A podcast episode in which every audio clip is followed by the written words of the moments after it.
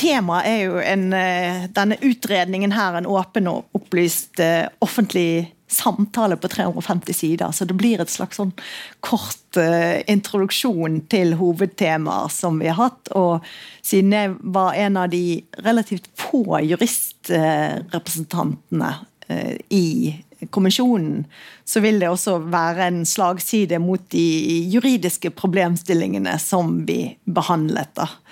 Eh, men vi var jo da 18 medlemmer, og bare egentlig to eh, med juss som kjernekompetanse. Meg som fra juridisk fakultet her i Bergen, og så Adele Mestad som er direktør ved Nasjonal institusjon for menneskerettigheter. Det var jo også Eirin Eikefjord som politisk redaktør i Bergens Tidende eh, med i kommisjonen. Og hun er jo også utdannet jurist fra vårt fakultet. Så Sånn sett var vi tre med juridisk kompetanse pluss en jusstudent fra vårt fakultet. Så det var jo egentlig veldig kjekt å ha med en, en studentrepresentant. Eh, vi se det som jeg tenkte skulle si litt om bare, egentlig hva, hva var oppdraget vårt. Jeg eh, skal si litt om eh, mandatet, kommisjonssammensetningen og, og hvilken arbeidsprosess vi hadde. Vi, vi jobbet med ytringsfrihet da i tre år før vi kom med denne utredningen vår. Eh, og si litt om måte hva vi fant da i, i vår kartlegging av ytringsfrihetens stilling. Så Eh, skal jeg løfte frem noen juridiske utfordringer. og se litt på, altså kommentere litt på noen forslag til tiltak. Kommisjonen kom med 90 forslag til tiltak, så vi har, skal ikke bruke tiden her for å gå gjennom alle de 90 forslagene. Eh, her er altså eh, ytringsfrihetskommisjonens, eller innledningen til ytringsfrihetskommisjonens mandat. og Det var utgangspunktet at vi skulle ta utgangspunkt i Grunnlovens paragraf 100. Det var liksom eh, retten til ytringsfrihet sånn som den er nedfelt i Grunnloven. Det var den, den, juridiske rammen som vi fikk. Eh, og så skulle vi utrede sosiale, teknologiske, juridiske og økonomiske rammer for ytringsfrihet i dagens samfunn. Og med beskjed om at denne utredningen da skulle legges frem som en NOU den 15. august 2022. Eh, og det den, den, den, ble lagt frem under Arendalsuken den 15. august 2022. Så den delen av mandatet, Siste del av mandatet klarte vi i hvert fall. Så er det jo litt sånn diskusjon om ja, klarte vi på en måte selv utrederoppdraget? De sosiale, teknologiske, juridiske og økonomiske rammene. Det er en ganske omfattende oppdrag. Og kanskje litt sånn egentlig ikke helt klart hva man egentlig skal komme med tiltak for. Så, så, det var en Mandatet var ganske langt, og det var mer detaljerte problemstillinger enn dette. Men, men overordnet sett så skulle vi ganske, gjøre en ganske bred utredning. Så er det jo noe med at uh, hva du får av en utredning, kommer jo alltid an på hvem du spør. Og vi har blitt kritisert for å være litt for positive til medieutviklingen for lite kritiske. Og så kan man jo se på hvem som satt i denne kommisjonen. Så var det stort sett folk som er vant til å komme til orde. Altså, vi har eh, ganske mange som er synlige i mediebildet.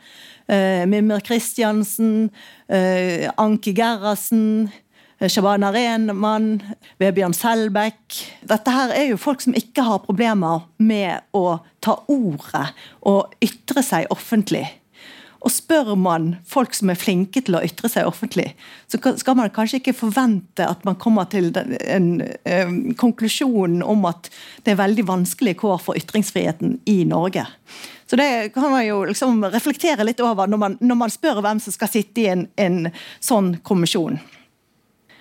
Så bare for å vise noen sånn, altså, de mer sånn presise formuleringene uh, i mandatet om på en måte hva, hva som departementet da, mente var de store utfordringene som vi skulle ta stilling til, så er det liksom digitaliseringen som var et gjennomgangstema. At digitaliseringen har endret forutsetningene for ytringsfriheten fundamentalt. Eh, og nettets struktur har da gjort det enklere enn før å spre på propaganda og desinformasjon. Så det å på en måte på, altså, Vi har veldig mye mer informasjon enn før. Problemet er hvordan vi skal verifisere den informasjonen vi får. Hva er riktig informasjon? Hva kan vi egentlig stole på? Problemstillingen som var, som vi ble bedt om å sette søkelys på, det er liksom dette her at nettet er sårbart for misbruk. Og så er det dette her globale informasjonssamfunnet, som innebærer at ytringer umiddelbart kan spre seg. Og Da står vi litt overfor den utfordringen at rammen av Grunnloven er jo ikke nok. Altså Grunnloven kan bare håndheves innenfor Norges grenser. Så med en gang ytringer spres utenfor Norges grenser, så har ikke vi mulighet til å kontrollere eh, hvilke ytringer som kommer inn og hvilke som kommer ut. Og så har vi, altså, en, Et poeng som ble løftet frem i mandatet, det var at ytringsfriheten ble satt under press av voldelige ekstremister og terrorister. Eh, og du kan si at altså, Det illustrerer kanskje at ytringsfriheten kan kobles sammen med alle samfunnsutfordringer vi har. For ekstremisme og uh, terrorisme er jo problemstillinger som må bekjempes på helt, med, med, sine egne utfordringer, og som, kan, som ikke kan analyseres og, eh, og løses av en ytringsfrihetskommisjon men det har også sider til ytringsfriheten. Og sånn opplever du liksom Eh, at veldig mange av disse temaene som vi ble bedt om å se på, de har mye grunnleggende og større, eh, større utfor, sosiale utfordringer som ikke kan løses ved tiltak som, som eh, knytter seg til ytringsfrihetens stilling. Så var det Dette her med algoritmer og kunstig intelligens har blitt en integrert del av informasjonssamfunnet. Det var jo kan, kanskje en av de største utfordringene som kommisjonen hadde, og som vi ble kritisert som ble kritisert ved oppnevnelsen av kommisjonen, var at vi ikke hadde noen teknolog eh, blant eh, kommisjonens medlemmer. For det er klart at, at Dette her eh, med at, uh, altså hvor, hvor, mye som kan styres av teknologi Vi hadde et møte med Sintef uh, i Trondheim. Der vi på en måte prøvde å få en, en oversikt over liksom, en del av de teknologiske utfordringene knyttet til ytringsfriheten. og automatiserte prosesser. Hvordan man bevarer norsk språk, f.eks. Eh, oppi dette. Eh, det, det er utfordringer som vi på en måte bare kunne skrape i overflaten av, men som har mye dypereliggende eh, problemer som eh, der må jobbes videre med. Utgangspunktet for uh, vår kommisjon, og, og som vi, vi, blir liksom uh, Vi har vel opplevd hele tiden under arbeidet vårt at vi, vi, liksom, vi blir konfrontert med uh, den ytringsfrihetskommisjonen som Frances Sejersted ledet, og som la frem sin rapport i 1999. Ytringsfrihet bør finne sted. og det som Sejersted han, han ble da eh, intervjuet når, det, når, debatten gikk som, som verst, med eh, vår ytringsfrihetskommisjon sommeren 2020, eh, om at eh, der vi hadde et, et, medlem som gikk ut av vår kommisjon i protest, eh, der han sa at, eh, at Begrunnelsen for at han ikke gikk ut av sin ytringsfrihetskommisjon i 1999, det var at han hadde et klart mandat. Han, det den kommisjonen skulle gjøre, det var å utrede Grunnloven og foreslå endringer. Det, var en mye mer begrenset oppgave den 99-kommisjonen hadde. Eh, og så er spørsmålet ja, eh, hva, hva er det som gjør at vi da 20 år senere har behov for en ny gjennomgang? Det som eh, var liksom kjerne og tilbakevendende temaet da i mandatet, var dette med digitaliseringen.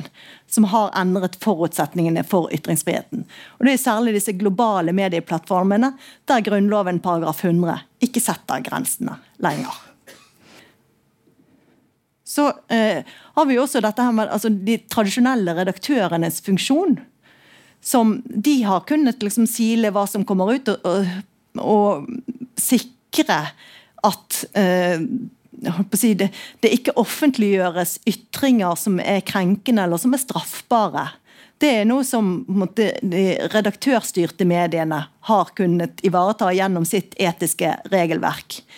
Uh, og Eh, det, det, som vi har sett eh, med fremveksten av de sosiale mediene, er jo at eh, disse grensene, også for hva som er straffbare ytringer som settes frem offentlig, brytes i mye større grad. Og det handler jo litt om at når vi alle kan publisere, og man kan sitte for seg selv kanskje uten å se hvem du snakker til, Eh, så eh, er det, er det, mye lettere å på en måte eh, kanskje ikke tenke på hvor sårende de ytringene du fremsetter er for de som mottar disse ytringene.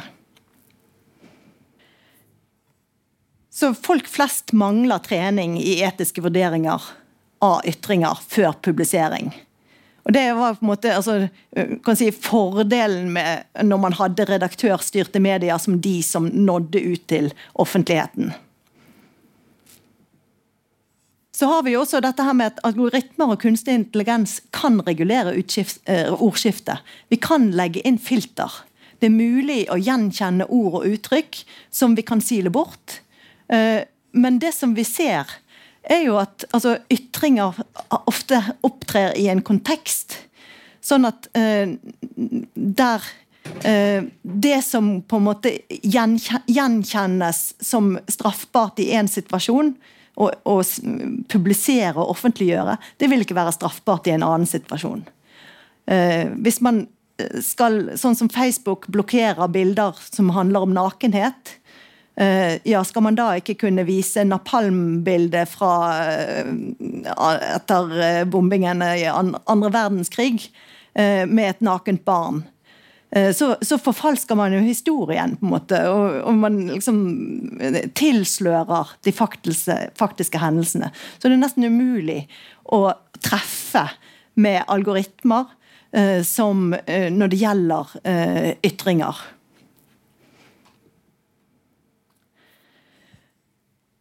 Så um, altså, vi var eh, Kommisjonen ble da bedt om at vi underveis i prosessen, altså kartleggingen som da skulle omfatte både sosiale, juridiske, økonomiske og teknologiske sider av ytringsfriheten, eh, vi skulle også legge til rette for en bred offentlig debatt om temaet for utredningen. Og vi skulle innhente og inkludere ulike gruppers erfaringer eh, i arbeidet. Så det, dette, vi hadde veldig mange innspillsmøter. Vi snakket med 191 forskjellige personer i løpet av den treårige prosessen. Eh, og Det var jo også en, en, en, del av dette kartleggingsarbeidet. Hvordan, det, hvordan, opplever folk at det står til med ytringsfrihetens stilling? Eh, så hadde vi også en del altså, foredragsholdere som kom eh, og snakket om ulike temaer. Så, eh, så, og så ble det jo også en del ikke-planlagte debatter. Vi hadde aldri planlagt at det skulle bli en mediestorm. Det var sommeren 2021. Eh, Eh, der eh, vi da hadde eh, Der det var kunst, alle kunstnerorganisasjonene som, som, tok fyr, og som mente at når vi da inviterte Sløseriombudsmannen til å komme og holde innlegg om sitt syn på ytringsfriheten, så opplevde det som Kunstnerorganisasjonene opplevde det som støtende. Så, så da, da, da, ble det et opprop som 15 eh, eh, kunstnerorganisasjoner først skrev under. Etter hvert så var det noen av disse organisasjonene som trakk seg igjen. Så det ble jo en intern diskusjon også i, i kunstmiljøet av denne. Uh, og kan jo si det sånn at uh, i hvert fall Medierepresentantene i kommisjonen de mente at nå har vi virkelig levert på mandatet. Men dette var altså ikke planlagt. Så kan vi jo spørre altså hva er målet når vi skal kartlegge ytringsfrihetens stilling? Hva er egentlig målet for ytringsfrihet? Hvorfor har vi ytringsfrihet? Og det, eh, det, som er veldig spesielt med den norske grunnloven, det er at vi faktisk har skrevet inn begrunnelsene for ytringsfriheten i Grunnloven. Det fins ikke noen annen grunnlov som jeg vet om, der man har skrevet inn hvorfor man har ytringsfrihet. Men der har vi skrevet at det handler om sannhetssøken, det handler om demokrati, og det handler om individets frie meningsdannelse. Uh, dette her, Den forrige ytringsfrihetskommisjonen var veldig inspirert av filosofen Habermas, som har tro på det deliberative demokrati, der man skal prate seg frem til enighet og, og uh, høyere bevissthetsforståelse uh, om hvordan samfunnet fungerer. Det som vi hadde en diskusjon om, det var liksom Er egentlig de tre begrunnelsene som står i Grunnloven i dag for hvorfor vi har Grunnloven, eh, hvorfor vi har ytringsfrihet, er de egentlig tilstrekkelig? Når vi setter, altså vi, vi, Det er også hjemmel i Grunnloven for at du kan begrense ytringsfriheten. Da må du ha en, det, må, det kan gjøres ved lov. Men når, vi, når kan vi bruke lovhjemmel? da eh, mente vi i kommisjonen at ord som toleranse og mangfold bør egentlig løfte, løftes frem i begrunnelsen for ytringsfrihet. Du kan si at det ligger kan si at det ligger inne i demokratibegrepet. Men det er ikke så veldig synlig for folk flest at dette med toleranse og, og mangfold ligger inne i en demokratiforståelse. Og når vi løfter frem toleranse og mangfold som viktig for forståelsen av hvorfor vi har ytringsfrihet, og hvilke grenser vi skal sette for ytringsfriheten, så var jo ikke det noe holdt på å si, noe som var originalt for kommisjonen. Vi hentet det fra Den europeiske menneskerettighetsdomstolens uttalelser av hva som er begrunnelsen for retten til ytringsfrihet, eh, som er også er nedfelt i Den europeiske menneskerettighetskommisjonen. Der man også snakker om tolerance and eh, plural, eh, pluralism som, eh, som helt sånn grunnleggende verdier i et demokratisk samfunn. Men det å ha på en måte den der bakgrunnsforståelsen for, for, hvorfor vi egentlig har ytringsfrihet, det, det er ganske viktig når man skal begynne å sette grenser for den. For der, der, er en slags forestilling som er litt amerikansk, om at ytringsfriheten er den høyeste eh, rettigheten av dem alle. Den, den viktigste menneskeretten av alle. Det er, det er, på en måte det amerikanske menneskerettighetsbildet. Går man til Europa, går man til menneskerettighetsdomstolen i Strasbourg, så sier de f.eks. at eh, ytringsfrihet og retten til privatliv det er to likestilte rettigheter. Vi kan ikke si at ytringsfriheten er viktigere enn eh, retten til privatliv. Så da er vi liksom en litt annen sånn, eh, spørsmål om balansering av rettigheter.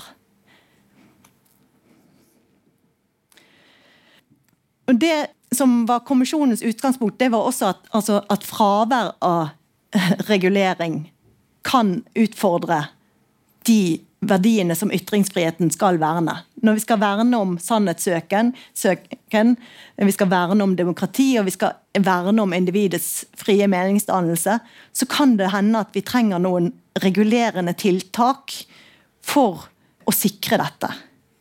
Og kan, De regulerende tiltakene kan også begrense ytringsfriheten for noen. Så det er liksom, altså det, Når du begrenser ytringsfriheten for noen, så kan det bety at andre får større muligheter til å nå frem med sine ytringer. Så dette her er ikke et enkelt bilde når man på en måte skal, skal begynne å, å, forsøke å sette grenser for ytringsfriheten. Den forrige ytringsfrihetskommisjonen den, eh, de hadde noen diskusjoner om det digitale. Og Blant annet eh, så er det, er det en uh, uttalelse som vi også har sitert i kommisjonsrapporten, for vi syns den var litt, egentlig litt morsom. da, at, at Sier seg selv at alle ikke kan informere eller diskutere med alle. Det anarki eller den kakofoni som da vil oppstå, vil true friheten like mye som en totalitær kontroll. Og du kan si at Dette var skrevet i 1999 vi er jo der i dag. Altså, vi har jo en kakofoni, og vi har jo eh, anarki på nett eh, i forhold til liksom, hvilke ytringer som kommer frem. Og alle snakker med alle, men de snakker med hverandre i ulike forum. Og vi har jo funnet eh, måter å løse dette her på, på et, stykke, et godt stykke på vei. Så det er jo ikke, Og jeg vil jo si at det er ikke sånn at jeg føler at vi er like mye truet som en totalitær kontroll. Så det var noe på en måte den, den forrige ytringsfrihetskommisjonen kanskje så som et sånn skremmebilde som, som ja, vi har nå egentlig klart å, å løse en, en, del ting, men det er også en del utfordringer som gjenstår. Når vi, altså et av de store spørsmålene som vi skulle se på, det var at, at uh, hvordan kan man få en bred deltakelse i offentligheten?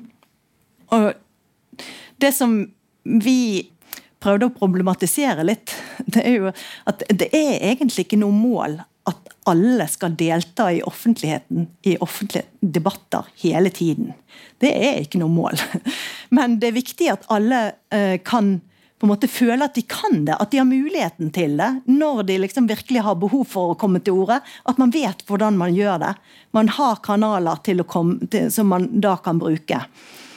Så, og Da støttet vi oss litt på en av medieforskerne fra eh, Infomedia her eh, ved Universitetet i Bergen som har skrevet en, snakket om dette her om tilknytning til offentligheten som en helt sånn grunnleggende prinsipp for at du overhodet kan være en del av offentligheten. Så, og det som vi, et, et, av våre viktige poenger er at for å oppnå bred deltakelse, så må det finnes variasjoner av kanaler og arenaer for ytringsfriheten. Og Da er vi på en måte i, i, i det at internett faktisk kan ha en, en uh, muliggjørende demokratisk funksjon. Det som vi også så i den sammenheng, og som vi fikk mye innspill på fra ulike typer funksjonshemmede grupper, er at det er behov for en uh, universell utforming av nettet. Det, det, det, er, det er arbeid som pågår. Liksom sånn, hvordan, hvordan skal man tilgjengeliggjøre nett? for ulike eh, grupper i samfunnet. Men det er eh, altså ikke et mål at alle til enhver tid skal ta ordet, men at du skal føle at du kan når du når det trengs. Og da støttet vi oss faktisk på Olav H. Hauge sin, sitt dikt om slegja, som bare stender en lyt bare til når det røyner på. Liksom, men, men, men, men, hvis alle føler at ok, hvis det røyner på, så skal jeg få sagt så skal jeg komme til orde og få sagt mitt. Da har vi på en måte et demokratisk samfunn som, eh, som eh, kan fungere godt.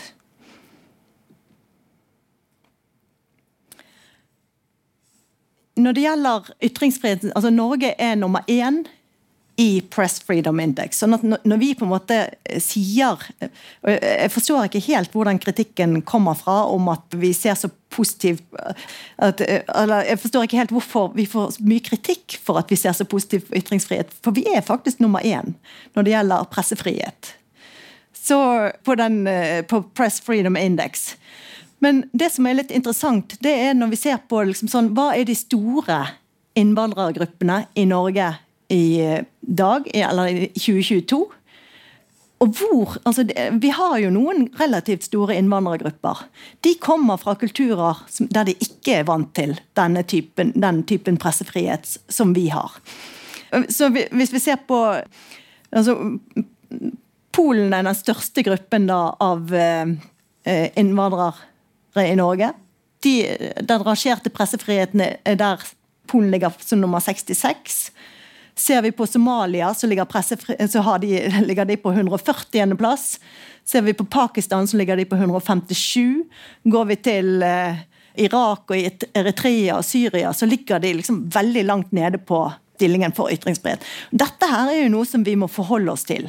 At veldig mange av våre medborgere de kommer fra en kultur der man ikke tar det som selvsagt at du skal kunne ytre deg. Og det er på en måte, uh, altså Vi kan tenke at denne slegga som står der, jeg kan ta sleggen opp med en når jeg vil. Men det er ikke sikkert du tenker det hvis du kommer fra Eritrea eller Syria. Så, så det å på en måte tilrettelegge og være i hvert fall bevisst på det, det var noe som vi så på så som, som, ut, som en del av det utfordringsbildet vi har Men vår konklusjon på, når vi så på liksom, kunnskapsoppsummeringen, og så på liksom, eh, den forskningen som er gjort på ytringsfrihetens stilling i Norge, så, så, er det liksom sånn at i det store og det hele, de store tingene, det store bildet, er at vi har eh, ytringsfriheten er godt sikret i Norge. Og Det gjelder både muligheten til å komme til orde, det gjelder pressefrihet, det gjelder journalistsikkerhet, som også var et av de temaene som vi var bedt om å se på. Altså vi, har, vi, hadde jo Vebjørn Selbekk i kommisjonen vår, og han er jo en av de få journalistene i Norge som har levd med politibeskyttelse. Der det har vært nødvendig. Men, og, og som har, har på en måte Det har vært en stor personlig belastning for han og hans familie å måtte leve på ukjent adresse. Men eh, det, er, det hører til eh, særtilfellene hos oss. I, I en del andre land så er det en mye mer normal situasjon hvis du utfordrer regimet. Også eh, beredskapen mot desinformasjon, som vi da definerte som bevisst villedende informasjon, det, den er også høy i den forstand at vi har en god del trening gjennom skoleverket i kritisk medieforståelse, som man ikke har en del andre steder. Så altså, eh, Når vi sier det står godt til, så er det at 10% av befolkningen deltar jevnlig i offentligheten med ytringer om politikk og samfunnsliv, det er ganske mye. 10% av befolkningen. Men altså, du kan si at det største altså, Det som var en veldig sånn tilbakevendende tema på disse innspillsmøtene vi hadde, det er liksom økningen i hets og sjikane som man opplever på internett. I sosiale medier særlig. Så um, det er på en måte en, en, en utfordring som uh, som vi måtte, måtte prøve å komme med noen tiltak mot. Og vi hadde også et møte med arbeidslivet. Så arbeidslivet, altså Ytringsfrihet i arbeidslivet var egentlig ikke en del av vårt mandat. Men det fikk vi så mange henvendelser om at vi valgte å ta det opp som et eget tema. Fordi veldig mange opplever at man har man hemmes, man, man tør ikke å uttale seg, og man vet ikke helt hvor grensene går. Og vi hadde et innspillsmøte med, med ganske sånn sterke representanter fra Legeforeningen og fra off andre offentlige etater, der, der, folk var veldig tydelige på at de syntes det var vanskelig å komme med uttalelser offentlig. Så til tross for at vi da egentlig oppfatter at vi har en, en, eh, en, god ytringskultur i Norge sammenlignet med veldig mange andre steder, så oppleves da arbeidslivet som en arena som er krev, blitt mer krevende.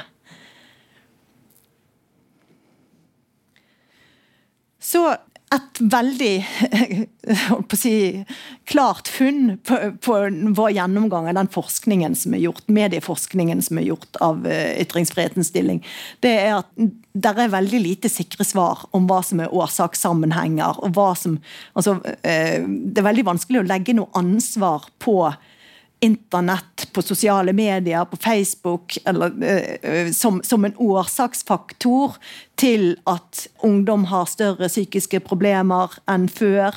Det, til at vi har flere som radikaliserer seg. Til at man har større avhengighetsutfordringer.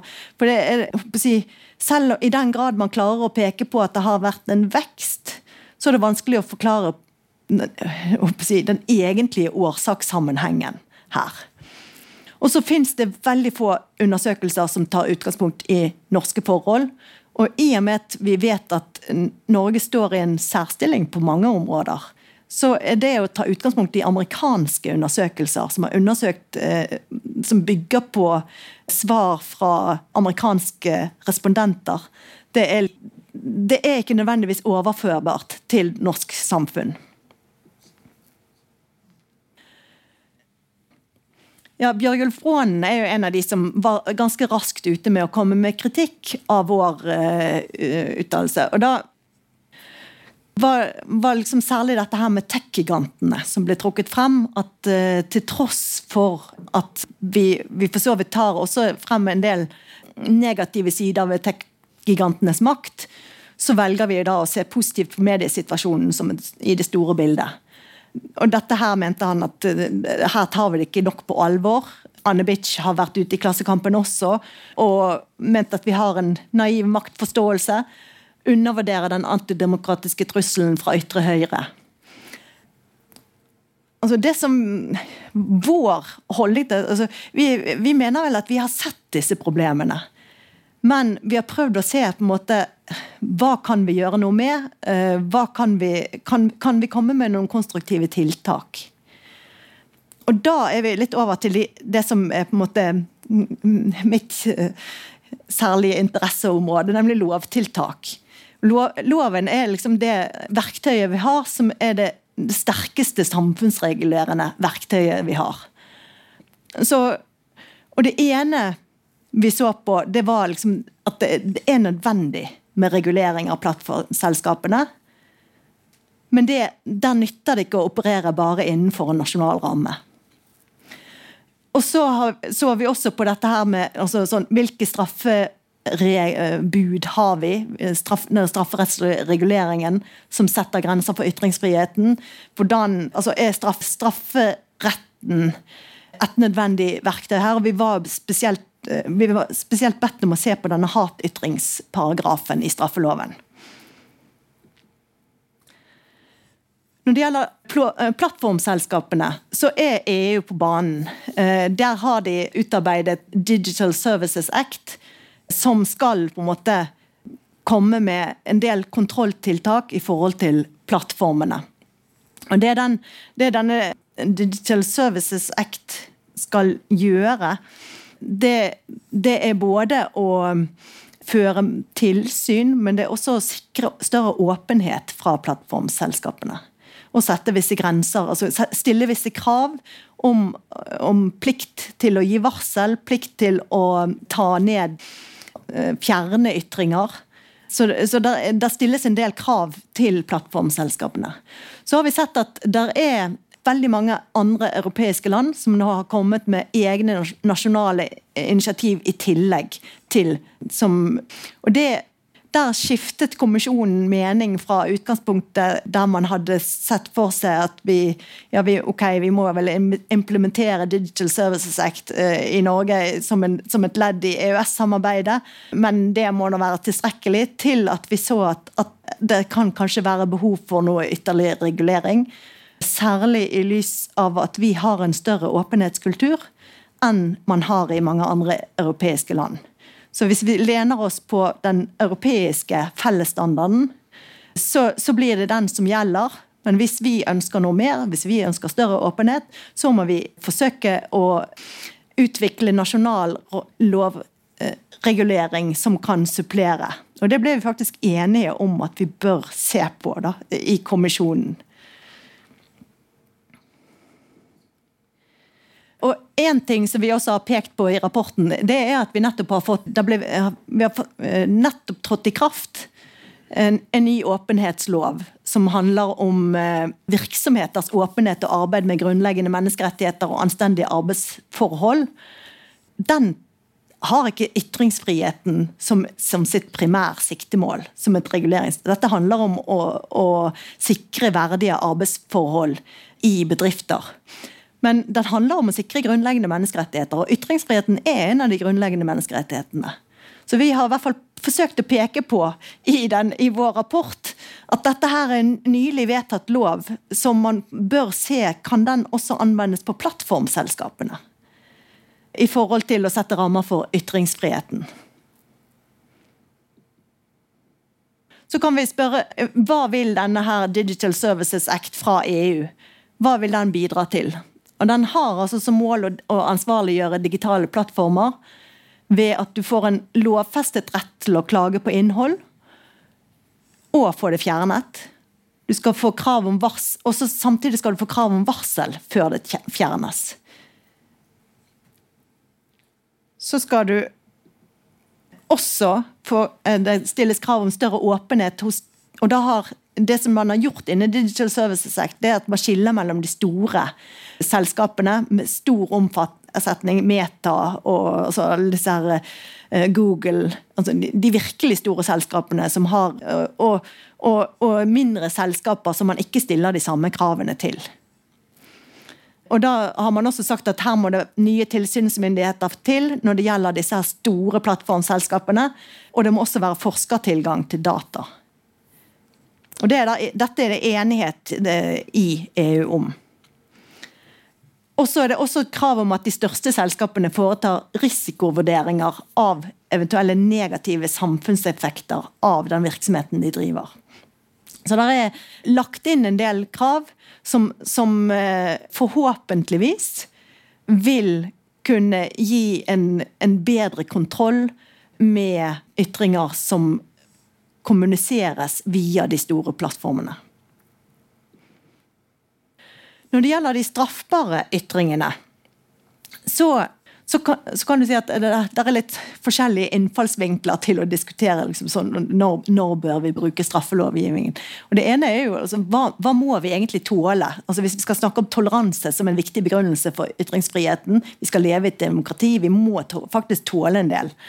Så da kan vi begynne å spørre er, er dette her snakk om en, en ytring som ligger i kjerneområdet for ytringsfriheten? Er det, en, er det en ytring som tjener begrunnelsen for ytringsfriheten? handler dette om sannhetssøking?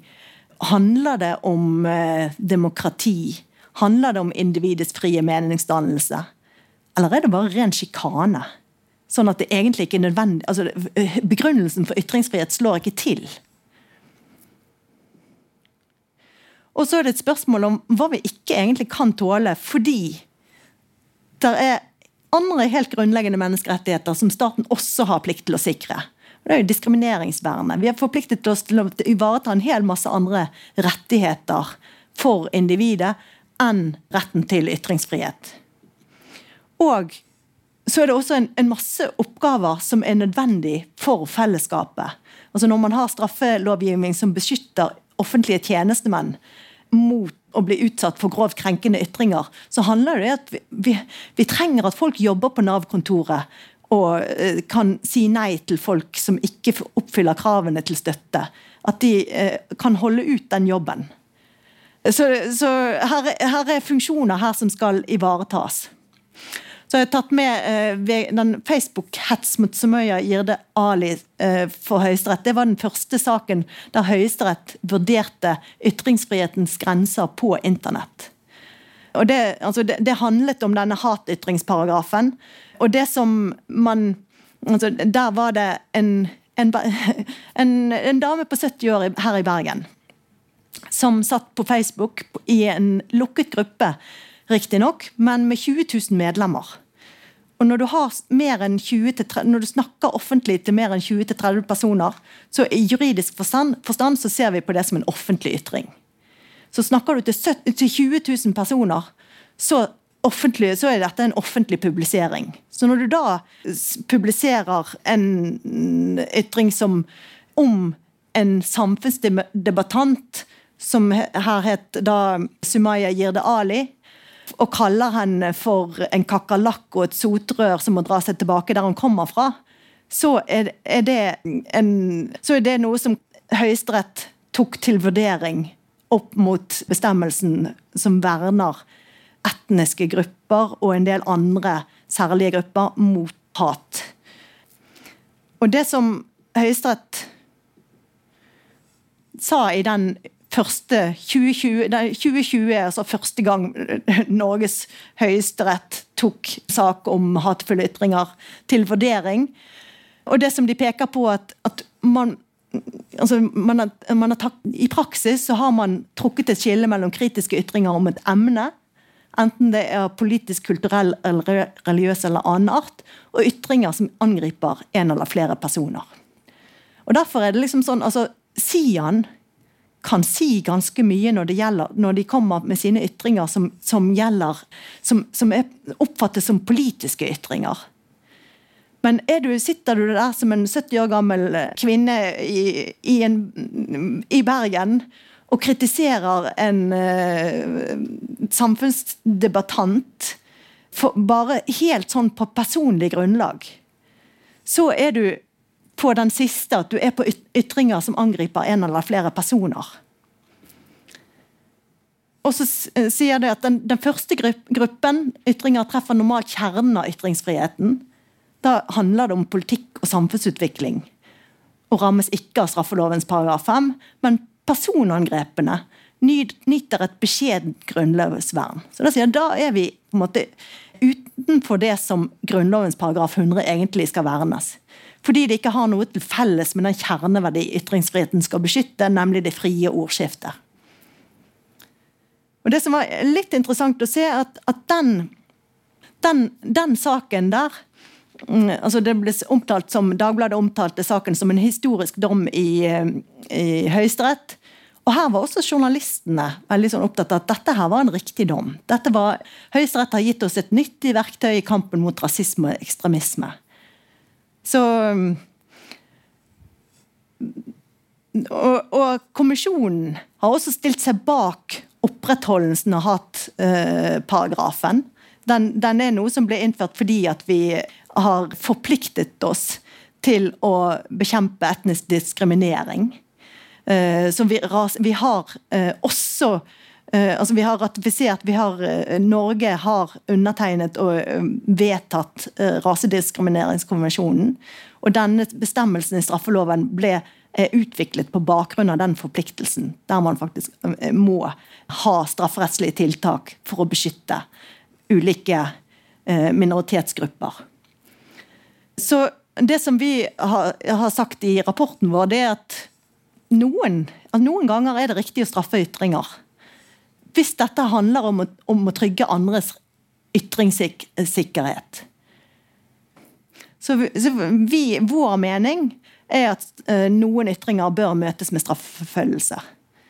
Det har vi også uh, Det var vel senest i går at vi fikk uh, I Samtiden hadde en artikkel i går eller i hvert fall så en publisert på, eller referert til i går, om at her hadde kommisjonen vært eh, svak og mangelfull.